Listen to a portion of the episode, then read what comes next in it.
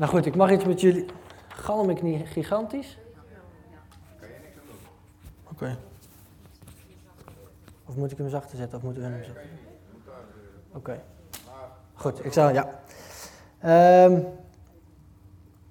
ik mag iets met jullie delen vandaag. Ehm, leuk, spannend. Allereerst wil ik eigenlijk iets persoonlijks delen juist. Ehm, en ik hoop uh, eigenlijk dat het voor niemand geldt, hier misschien zelfs. In mijn jeugd, toen ik, uh, in ieder geval in mijn tien jaar in mijn jeugd, toen dacht ik eigenlijk dat ik uh, christen was. Terwijl ik dat helemaal niet was. Eigenlijk bedroog ik mezelf. En ik denk zelfs als ik toen uh, dood had gegaan, dat ik verloren was gegaan. Terwijl een aantal jaar later, um, toen dacht ik zelfs dat er eigenlijk geen hoop meer voor mij was. Dat ik verloren was. Terwijl ik juist een kind van God was. Tegenstrijdig, ongekend. Um, om een voorbeeld te noemen, um, zeg maar in het tweede deel. Uh, als ik probeerde te breken met uh, alcohol uh, gebruiken of feestbeest uithangen, of als ik weer eens op mijn slof schoot, dan kon twijfel en aanklacht mij zo overvallen dat ik twijfelde over heel mijn verhouding met God. Um, herkent iemand dit of was ik de enige? Ben ik de? Iemand? Oké, gelukkig. um, Goed, dus, dus als je een fout maakt, of misschien zelfs voor de zoveelste keer weer dezelfde fout maakt, dat je kan twijfelen aan heel je verhouding met God en dat je eigenlijk gewoon bang bent een nepper te zijn. Uh, maar ik mag nu iets met jullie delen. Uh, voor wie mee wil lezen uit uh, Marcus 1, vers 1 tot met 15. Dat je jezelf nooit meer kunt bedriegen, allereerst. Maar ook dat je jezelf nooit meer kunt laten bedriegen. Naar de hand. Um, dus ik zal uh, lezen. En we, zijn heel, we gaan heel basic worden vandaag. Back to the core. Oké. Um, eh, ja, kan ik lezen? Oké. Het begin van het evangelie van Jezus Christus, de Zoon van God. Het is zoals er geschreven staat in de profeten. Zie, ik zend mijn engel voor uw aangezicht, die voor u uit uw weg gereed zal maken. En, de stem van iemand die roept in de woestijn. Maak de weg van de Heere gereed. Maak zijn paden recht. En Johannes kwam in de woestijn en doopte en predikte een doop van bekering tot vergeving van zonde. En heel het Judese land en de inwoners van Jeruzalem liepen naar hem uit. En zij werden alle gedoopt. En zij werden alle door hem gedoopt in de rivier de Jordaan, terwijl zij hun zonde beleden. En Johannes was gekleed in kameelhaar en had een leren gordel om zijn middel. En hij had sprinkhanen en wilde honing. En hij predikte en zei, naar mij komt hij die sterker is dan ik, bij wie ik het niet waard ben neer te bukken en de riem van zijn sandalen los te maken. Ik heb u wel gedoopt met water, maar hij zal u dopen met de Heilige Geest. Het gebeurde in die dagen dat Jezus kwam van Nazareth in Galilea en door Johannes werd gedoopt in de Jordaan. En meteen toen hij uit het water opkwam, zag hij de hemel openscheuren en de geest als een duif op zich neerdalen. En er kwam een stem uit de hemel. U bent mijn geliefde zoon, in wie ik mijn welbehagen heb. En meteen dreef de geest hem uit de woestijn in. En hij was daar in de woestijn veertig dagen en werd verzocht door de Satan. En hij was bij de wilde dieren en de engelen dienden hem. En nadat Johannes overgeleverd was, ging Jezus naar Galilea. En hij predikte het evangelie van het koninkrijk van God. En hij zei, de tijd is vervuld en het koninkrijk van God is nabijgekomen. Bekeer u en geloof het evangelie. Best lang stuk. Um, dus we zien dat Johannes, uh, dat God Johannes stuurt met een speciaal doel. Uh, Johannes wordt eigenlijk als een soort van heraut van de koning uh, erop uitgestuurd om de weg gereed en de weg recht te maken voor de komst van Jezus. Dus dan is mijn eerste vraag, wat was er dan niet gereed en wat was er dan niet recht uh, voor Jezus zijn aankomst? En dat waren eigenlijk twee dingen. Uh, het waren eigenlijk, eh, of het was eigenlijk dat uh, de mensen niet gereed waren voor Jezus zijn aankomst, want ehm, ze hadden misopvattingen over Gods oordeel en Gods liefde Ehm, daarom is dat ook de titel van deze boodschap, Oordeel en Liefde. Ehm, om een voorbeeld te noemen, als iemand kreupel was in die tijd, dan zat hij hele dagen bijvoorbeeld aan de poorten ergens of te bedelen, of iemand was ziek. En dan hadden die mensen, uh, konden ze denken van, hé, dat is mogelijk wel een oordeel van God. Dus wat doe je dan? Dan loop je met een grote boog om zo iemand heen en dan ga je hem vooral niet helpen. Maar dat is niet wat Jezus deed. Jezus liep niet met een boog om zo iemand heen. Hij ging er juist naartoe. Of uh, de zondaar. Jezus liep niet met een boog om zo iemand heen. Hij ging naar zo iemand toe. Um, dat is goed. Johannes die kwam om die misopvattingen weg te nemen. Uh, maar hoe deed hij dat dan? Dat staat in vers 4. Johannes die kwam in de woestijn en hij doopte en hij predikte een doop van bekering tot vergeving van zonde. Dus uh, Johannes, een echte prediker, uh, die kwam mensen prediken, maar wat predikte hij dan? Wat was dan zijn boodschap dat de mensen zich van hun misopvattingen zouden bekeren? Dat staat in vers 7. Hij predikte en hij zei, naar mij komt hij, die sterker is dan ik, bij wie ik het niet waard ben neer te bukken en de riem van zijn sandalen los te maken. Dat is nogal een boodschap. Um, en eigenlijk als je dit leest, is het belangrijk om te weten dat er in die tijd, als je een rabbi had of een leraar, um, dan was er één ding, en dat hoefde zijn discipelen dus niet te doen voor hem. En dat was het dragen van zijn sandalen achter hem aan. Omdat dat werd gezien als uh, de meest lage taak voor een slaaf die er was in die tijd.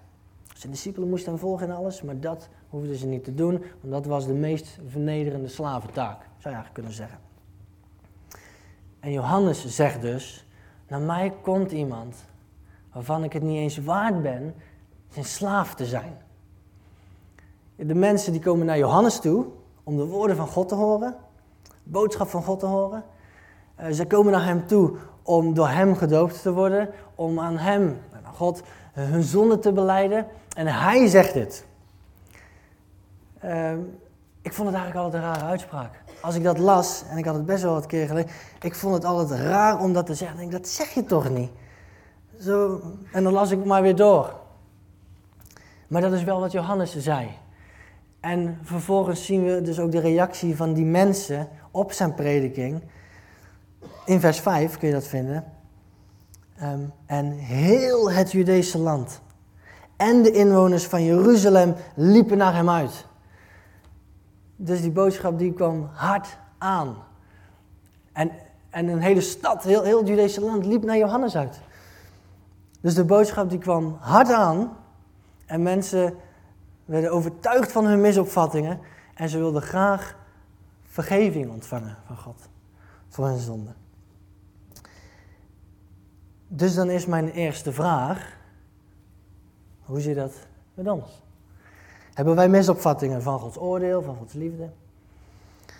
Is de weg waar ik op sta, is die recht? Of sta ik op een kromme weg? Staat u op een kromme weg? En staat Jezus daar ergens in de bocht, waardoor je hem wel denkt te kunnen zien, maar je zicht is zo ernstig op hem belemmerd? Um, want als ik nu tegen u zou zeggen, je bent het niet eens waard een slaaf te zijn van hem. Je bent het zelfs niet eens waard om door hem vernederd te worden. Dat is nogal apart, zeg maar, om, uh, om dat te zeggen. Maar dat is eigenlijk wel wat Johannes zegt. Johannes die zegt eigenlijk, in nog geen miljoen jaar zou jij iets kunnen doen voor hem, anders dan zonde op zonde stapelen, dan elke keer weer opnieuw Gods wet te verbreken en jezelf alleen maar schuldiger te maken. En je verdient eigenlijk niks meer dan een keihard oordeel. Dat is niet een evangelische boodschap als ik dit zo zeg. Maar dat haal ik hier wel uit in ieder geval. In ieder geval toen ik het toen las, toen dacht ik, oh dat ben ik. Dat is voor mij. En in Hebreeën staat het zelfs, Hebreeën 9 staat van, en zoals het voor mensen beschikt is dat ze eenmaal sterven en daarna oordeel. That's it. Oordeel.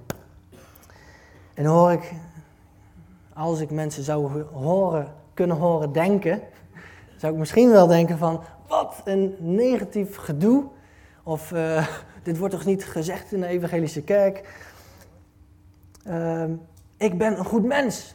En heel veel mensen waarmee, uh, of waarmee ik dan uh, zou praten, die zouden zeggen, en zelfs in de kerk, luister, ik ben een goed mens, ik, ik werk hard, ik lieg niet, ehm, ik verdien mijn centjes eerlijk, ik ben een goede man, ik probeer een goede vader te zijn, ik heb mijn naaste lief. Ehm, of, of, misschien als je dat iets nederig zou zijn, dan zou je kunnen zeggen, ah, ik ben niet perfect. Maar ik geloof toch niet dat het zo slecht gesteld staat tussen God en mij. Ehm, of misschien zou je zelf zou kunnen denken, uh, luister het, ik geloof in God. Ik leef een goed leven. En ik denk als God naar mijn leven kijkt en hij ziet gewoon wat ik doe en hij ziet hoe ik leef, dan heb ik gewoon niks te vrezen. Maar dan wil ik zeggen: nee, nee, nee en nee. In Romeinen 3 zegt Paulus: er is niemand rechtvaardig. Er is er niet eens één. Anders had er wel gestaan: er is niemand rechtvaardig behalve Eddie of er is niemand rechtvaardig en dan kun je je eigen naam invullen. Maar dat staat er niet. Er staat er is niemand rechtvaardig. Maar als ik het nu alleen maar zou hebben over hoe onwaardig wij allemaal zijn en wat je alleen maar oordeel verdient, dan missen we het belangrijkste en grootste punt van alles en dat is zijn waardigheid. Uh, alleen al in dit stukje tekst. Heel het Judese landschap en de inwoners van Jeruzalem, die lopen naar Johannes uit. En hij doopt hun terwijl zij hun zonde beleiden. En dan komt Jezus. Die loopt naar Johannes toe. En dat kun je hier niet vinden, maar in een andere evangelie vind je het wel. Dan moet Jezus eerst Johannes nog overtuigen van nee, jij moet mij dopen. Maar heer, ik, ik, ik wil u niet dopen. Uh, ik wilde u gedoopt worden. Nee, je moet mij dopen, want we moeten het doen zoals geschreven staat. Hij vervult het woord van God. Perfect. En dan wordt hij door hem gedoopt. En wat doet Jezus? Die beleidt helemaal niks. Want hij had niks te beleiden. Had niks te beleiden. Zijn leven lang had hij, heeft hij niet één woord gesproken. Dat niet waar is. Ook niet als het hem even beter uitkwam. Zijn leven lang heeft hij niet één fout gemaakt. Er is niet één moment er is nog niet een fractie van een seconde geweest in het leven van Jezus dat hij niet God lief had. Met heel zijn ziel, met heel zijn verstand, met uh, al zijn kracht. En met heel zijn hart en met al zijn kracht. Dat was wat hij van eerste ademteug in de kribben tot laatste ademteug aan het kruis, is wat hij deed. Non-stop. Dat is ongekend. En er was maar één iemand die iets beleed toen Jezus gedood was, en dat was God zelf. Jezus was stil, maar God zei: Joh, jij, jij bent mijn zoon. Ik ben zo blij met jou. Ik heb een welbehagen in jou. En dat heeft hij bij niemand anders. Dat zei hij alleen bij Jezus. Jezus was stil. Hij had niets te beleiden.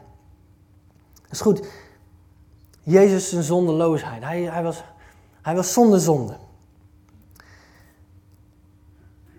Um, dus alleen al dat is een gigantisch contrast eigenlijk tussen, uh, tussen Jezus en u. Als wij denken dat wij hem iets zouden kunnen brengen. Als wij weten wat het inhoudt. Daarbij staat er ook heel veel in de Bijbel over zijn waardigheid. Um, in dit stukje tekst. Engelen dienen hem. Uh, er staan ook nog andere delen in de Bijbel, om, bijvoorbeeld in Openbaring, want, want we hebben het nu ook over Gods oordeel. En helemaal aan het einde staat er ook, dan was Johannes, dat was een andere Johannes, dat was een vriend van Jezus, die komt in de hemel. En die staat naast een engel. En hij ziet God zitten met een boek in zijn hand met zeven zegels van oordeel. Dat God over de wereld uit zal storten. En weet je, Johannes die moest janken. Want er was niemand waardig in de hemel. Zelfs zonderloze engelen, die nog nooit zonde gedaan hebben, die constant leven in Gods aanwezigheid, zelfs hun waren niet waardig. Dus zelfs alleen die zonderloosheid is niet eens genoeg. En dan zegt die engel van, hé, hey, ween niet, je hoeft niet te huilen, want er is er één en die is waardig. En dan komt Jezus en die pakt het boek wel. En die mag al die zegels verbreken. Met oordeel. Dat hij over de wereld uit zal storten. Als straks iedereen de kans heeft gehad om hem aan te nemen. Dus alleen hij is waardig. Dus zal straks zijn, er staat er ook, koningen zullen aan hem neervallen. Poetin, straks, die zal op zijn knietjes neervallen. Of uit pure vrijwilligheid, als er iets bijzonders gaat gebeuren. Of uit pure angst. En dan zal hij alleen maar, alleen maar kunnen blijden, oh u bent Heer, u bent Heer, u bent Heer. Net zoals iedereen hier. Er is er maar één waardig. En dat is Jezus. Dus als wij denken, of als jij denkt, die goedheid meent hebben van jezelf dan heb je geen flauw idee. Dat is misschien te kort door de bocht. Dan. Maar dan besef je nog niet zoals je moet beseffen. En ik denk dat het gebrekkig zal zijn totdat we doodgaan. Wie hij is. En Johannes, waar we het nu over hebben gelezen, die snapte dat. En die wist dat. Die wist van Jezus zijn koninklijke afkomst. En die wist dat elk beetje goedheid dat wij van onszelf menen te bezitten, dat dat verdwijnt als sneeuw voor de zon als wij in zijn aanwezigheid komen. En dan hebben we het niet over sneeuw die wegsmelt bij de zonnestraaltjes die het wegkiet. Nee, dan hebben we het over een klompje sneeuw dat in contact komt met de zon. Want dan heeft het gewoon nooit bestaan, dan is het gewoon weg. En dat weet hij. En daarom zegt hij dat. En als eigenlijk de, straffe waarheid van dat vers, als dat landt in je hart, dat je zo onwaardig bent, dat je niks meer verdient dan een 100% goed en rechtvaardig oordeel, dan gebeurt er juist iets heel bijzonders. Let op. Want hij predikt en hij zei, na mij komt hij die sterker is dan ik, bij wie ik het niet waard ben neer te bukken en de riem van zijn sandalen los te maken. Dan zegt hij, ja, ik heb jullie al gedoopt met water, maar hij zal jullie dopen met zijn heilige geest. En denk van, wat, wat gebeurt hier? Want er moet er wel iets tussen staan wat ik nu niet zie. Want als vers 7 waar is, dan is vers 8 dus gewoon een onmogelijkheid. Ik ben het niet eens waard om, uh, of ik zou niet eens de voet van de berg kunnen betreden waar hij op staat, zonder gewoon gedood te worden, zoals dat in het Oude Testament staat bij het volk en God. Dat is precies die verhouding die wij hebben met hem en Jezus, met, met ons en Jezus. En dan staat er eigenlijk, maar hij dat af naar mij. Dan denk je, hè? Wat, wat gebeurt hier? En hij daalt niet alleen af naar mij. Ik zou hem in nog geen miljoen jaar iets kunnen brengen. Maar hij daalt af naar mij om met mij het meest kostbare wat hij heeft met mij te delen. Met jou te delen. Hij wil mij zelfs deel laten hebben aan zichzelf. Dat ik met hem verbonden ben. Dus dat hij zelf in mij komt wonen. Als vers 7 waar is, is dat dus eigenlijk onmogelijk. Kan dat niet. Dus Ehm, dan hebben we nu dus min of meer een glashelder zicht op Jezus. En dan is de weg recht. Ehm, en als dit vers landt in je hart, dan is jouw weg dus recht en gereed gemaakt. En ben jij gereed gemaakt voor Jezus om te arriveren in je leven.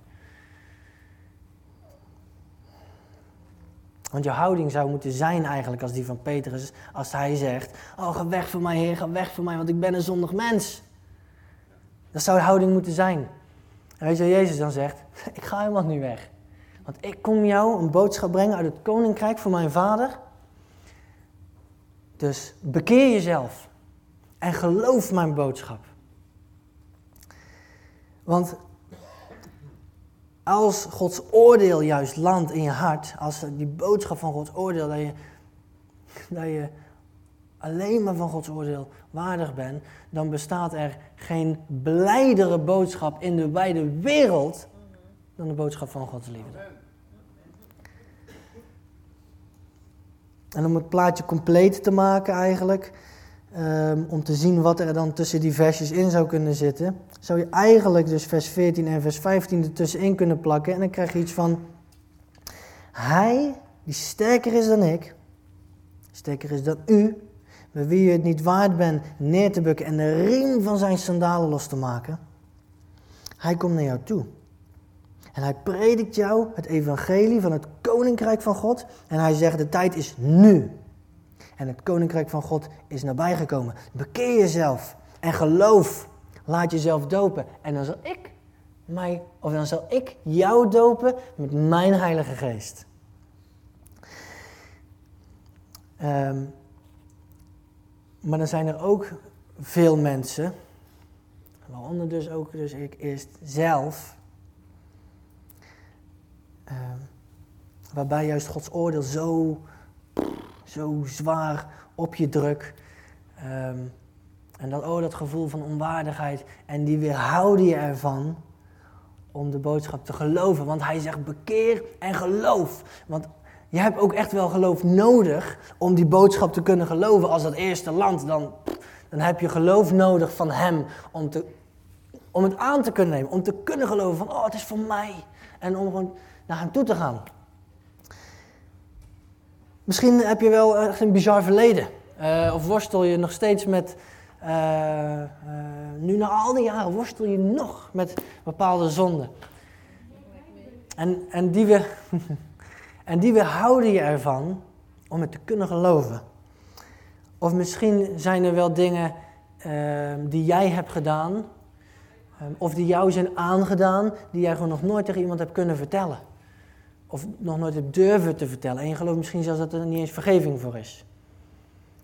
Ehm, of misschien uh, zijn het uh, puur aanklachten en gedachten, smerige, vloekende gedachten.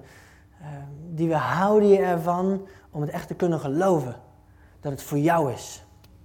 En wil ik je ook zeggen, nee, dat is niet waar. Want als je dat denkt, dan heb je dus misopvattingen over Gods liefde.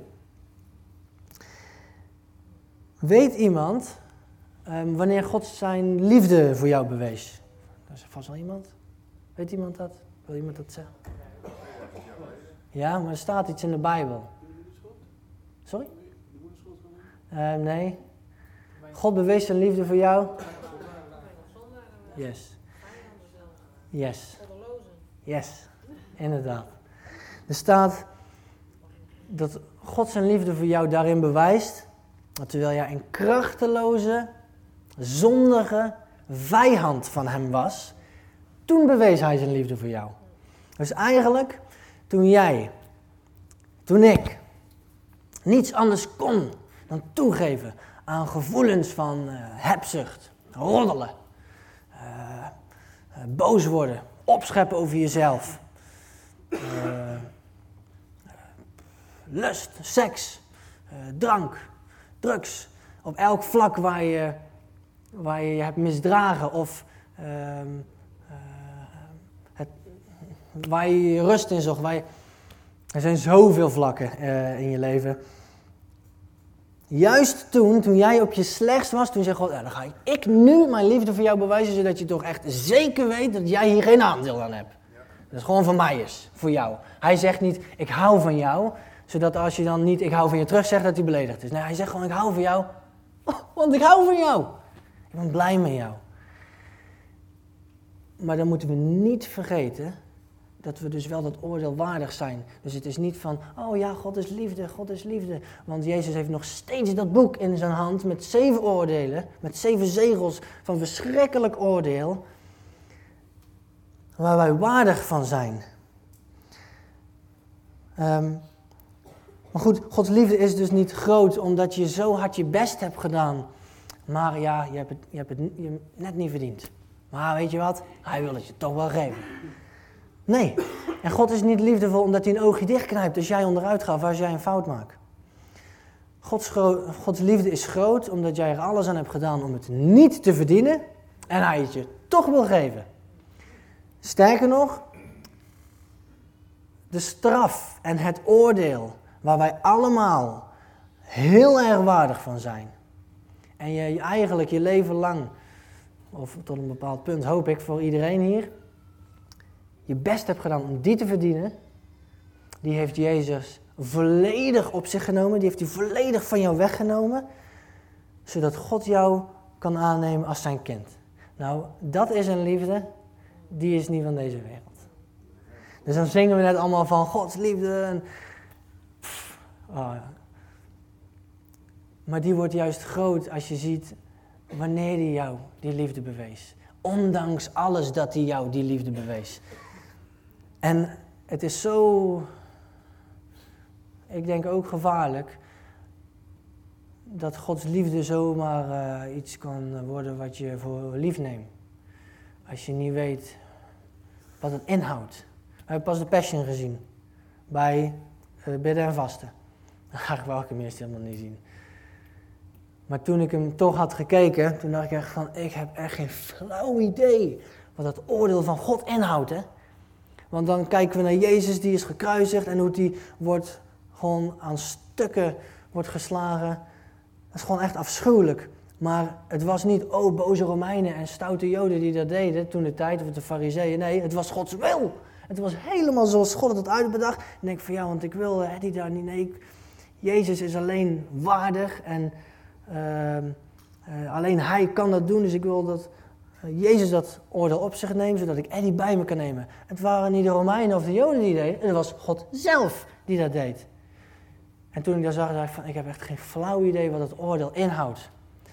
En ik heb eens een keer naar een prediker geluisterd en die zei, als wij straks in de eeuwigheid zijn, en je hebt 10.000 uh, eeuwen meegemaakt, hij zegt, dan ben je nog maar net begonnen met het betreden van de berg die het evangelie is. Dat houdt zoveel in.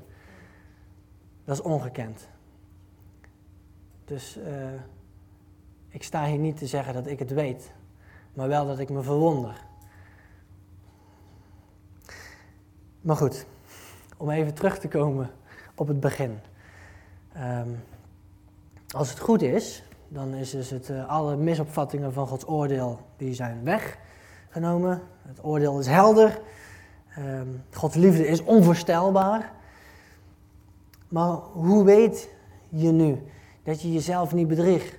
Want je kan jezelf christen noemen. En sterker nog, je kan jezelf uh, makkelijk voor de gek houden en denken dat je een christen bent, terwijl je dat helemaal niet bent. Terwijl je gewoon verloren bent.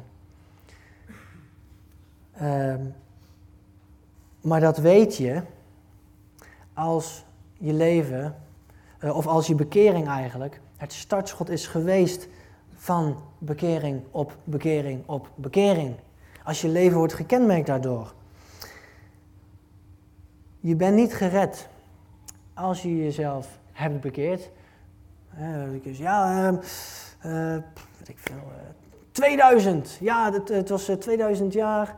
Of hoe zeg je dat? 10 april 2001. Toen ben ik gedoopt en ik heb me bekeerd en toen ben ik gered. Want hoe zit het met je leven nu? Ehm, hoe zit het met, uh, met wie je omgaat? En ik, goed, heel veel jongeren zijn nu weg. Ik denk vooral voor jongeren. Hoe zit het, en ook voor volwassenen, maar in ieder geval voor mij toen de tijd. Hoe zit het met wie je omgaat? Met wat je met die mensen doet?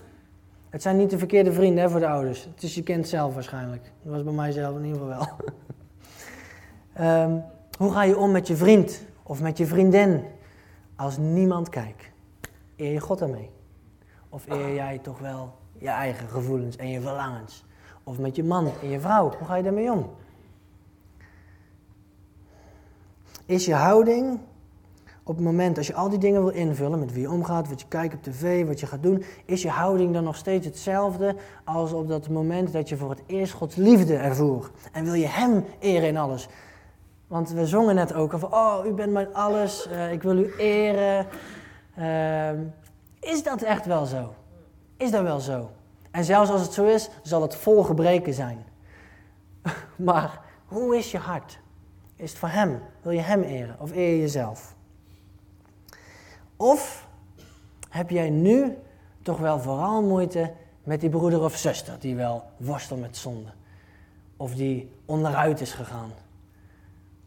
En loop je met een boog om hem of haar heen? Als je leven het startschot, of als je bekering het startschot was ehm, van een leven dat gekenmerkt wordt door bekering en geloven, dan wil ik alleen maar zeggen, geweldig. En het is een groot wonder dat God dat heeft gedaan. Maar als dat niet zo is, onderzoek jezelf. Zelfs al ben je nu een trouwe kerkganger geworden. Want dat zegt helemaal niks. Dat hoeft niets te zeggen. En er zijn er ook mensen en die zijn dus echt oprecht bekeerd. Eh, je wil de, wie en de wat en de waar en de hoe en de waarom. Hoe je al die dingetjes invult in je leven, daar wil je God mee eren. Daar wil je Hem in zoeken. Ehm, en dat zal niet volmaakt zijn totdat je doodgaat, maar je wil Hem zoeken erin. Je wil echt je hart op God zetten. En toch voel je je gewoon verloren. Aanklacht. Uh, rotgedachtes. Of, of je maakt weer een stomme fout.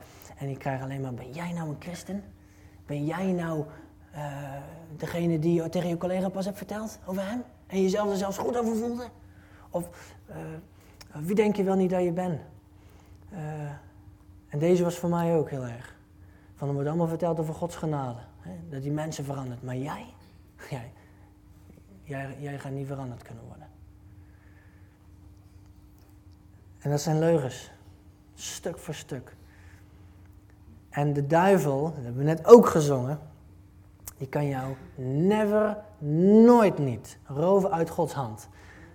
In nog geen miljoen jaar, nooit niet kan hij jou roven uit Gods hand. Maar hij kan jou dus wel laten geloven in zijn leugens. Maar elke leugen, elke aanklacht die jij op je bordje krijgt, die bevestigt alleen maar jouw onwaardigheid. Dus ook jouw geschiktheid voor wat Jezus jou kan brengen. Um, dus laat jezelf niet beroven. Goed, ik heb heel wat gezegd. Wil ik hem eigenlijk afronden. Als je ziet dat je jezelf dus hebt, ja, dat je jezelf hebt laten bedriegen um, door die aanklacht, dan wil ik tegen je zeggen, bekeren je van je misopvattingen over Gods liefde. En bij elke fout die je maakt, Elke keer als je onderuit gaat, blijf niet liggen, maar vlucht alleen maar naar Jezus toe. Elke keer als je ja, toch met de verkeerde personen weg bent gegaan. Uh, en, en, je hebt uitgeleefd, je hebt alcohol gedronken, of je hebt sigaretjes gedronken, of, uh, of een blootje, of je hebt een sneer gegeven, of tegen je vrouw. Je, je hebt Jezus niet laten zien op je werk. Je, je hebt hem alleen maar uh, Laat jezelf niet beroven. Want Jezus kwam om gerechtigheid te geven aan hen die het zelf niet hadden. Of als jij nu met een boog om een broeder of zuster heen loopt, net zoals die mensen toen, je loopt het liefst met een grote boog om de kreupelen heen. En je en je misschien, omdat je dan toch ook wel weer netjes bent en je het niet tegen iemand gaat zeggen, je gaat niet roddelen, maar je veroordeelt zo'n persoon in je hart, al is het maar in je hart. Dan wil ik zeggen, bekeer jezelf, want dan heb je misopvattingen over Gods oordeel voor jezelf en over Gods liefde voor die kreupele broeder of zuster. Dan is jouw weg krom. En misschien zie je wel zelf in dat je jezelf uh, gewoon al de tijd voor de gek hebt gehouden als ik dit zo vertel. En dat je dacht van, uh, ik ben christen, ja maar, er zit altijd nog wel een ja maar bij. Als je jezelf, als je jezelf nu inziet dat je jezelf bedriegt, stop dan gewoon met jezelf te bedriegen. Want als je niet leeft als een kind van God, dan zou het zomaar kunnen zijn dat je dat helemaal niet bent. En ik hoop dat het gewoon helemaal voor niemand is. Maar als je jezelf bedriegt en als je niet leeft als een kind van God, op welk vlak van je. dan zou het zomaar kunnen zijn dat je dat helemaal niet bent. Oké. Ik wil straks ook vragen. Um, um, ik weet niet of er wie het zijn van de oudsten, maar ze gaan straks muziek spelen. Als je je aangesproken voelt. Om dan niet een bakje koffie te pakken en denken van, poef, oh nou, nou, ik ben blij dat dat voorbij is en een bak koffie te gaan drinken. Maar als je je aangesproken voelt dat je het nu in orde maakt met God. Dan zegt Jezus, de tijd is nu. Bekeer jezelf en geloof. Dus ga naar een van de oudsten. Als ze er zijn, dat ze straks hier gewoon gaan staan voor de mensen die het nodig hebben. Ehm, en ga in gebed naar God en beleid wat je moet beleiden. Laat je, um, laat jezelf niet meer bedriegen, ook niet. Dus als je op, op wat voor manier je dan ook aangesproken voelt, ga naar de oudste, breng het in gebed samen naar God of ga naar een broeder en zuster waar je wel vertrouwd mee bent. Um, en werp jezelf volkomen op het volbrachte werk van Jezus, want Hij heeft het volledige oordeel van God weggenomen.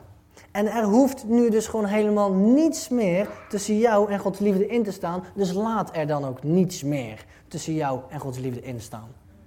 Mag ik bidden voor het einde?